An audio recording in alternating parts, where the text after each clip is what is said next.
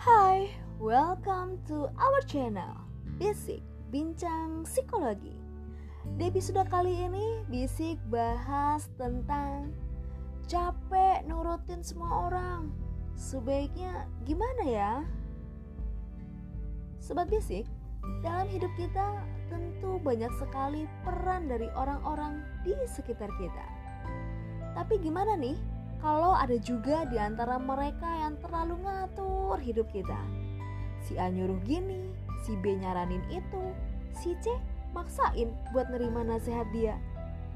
Dan pastinya itu semua bikin capek kalau diturutin. Jadi emang sebaiknya kita harus mulai nih pilih-pilih mana yang mau diturutin.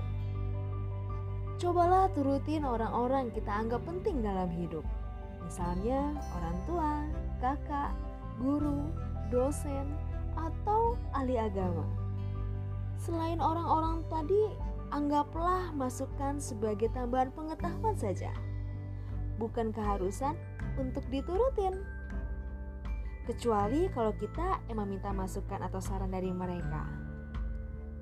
Semua saran, masukan, nasihat itu baik, tapi pilih aja nih yang benar-benar kita butuhkan jangan semuanya ya. So, sobat bisik, jangan pernah ragu untuk berbagi kisah kamu bersama bisik. Follow on IG juga ya, bisik underscore bincang psikologi. Terima kasih buat sobat bisik semua. Kami tunggu kisahmu dan sampai jumpa di episode bisik berikutnya. Bye bye.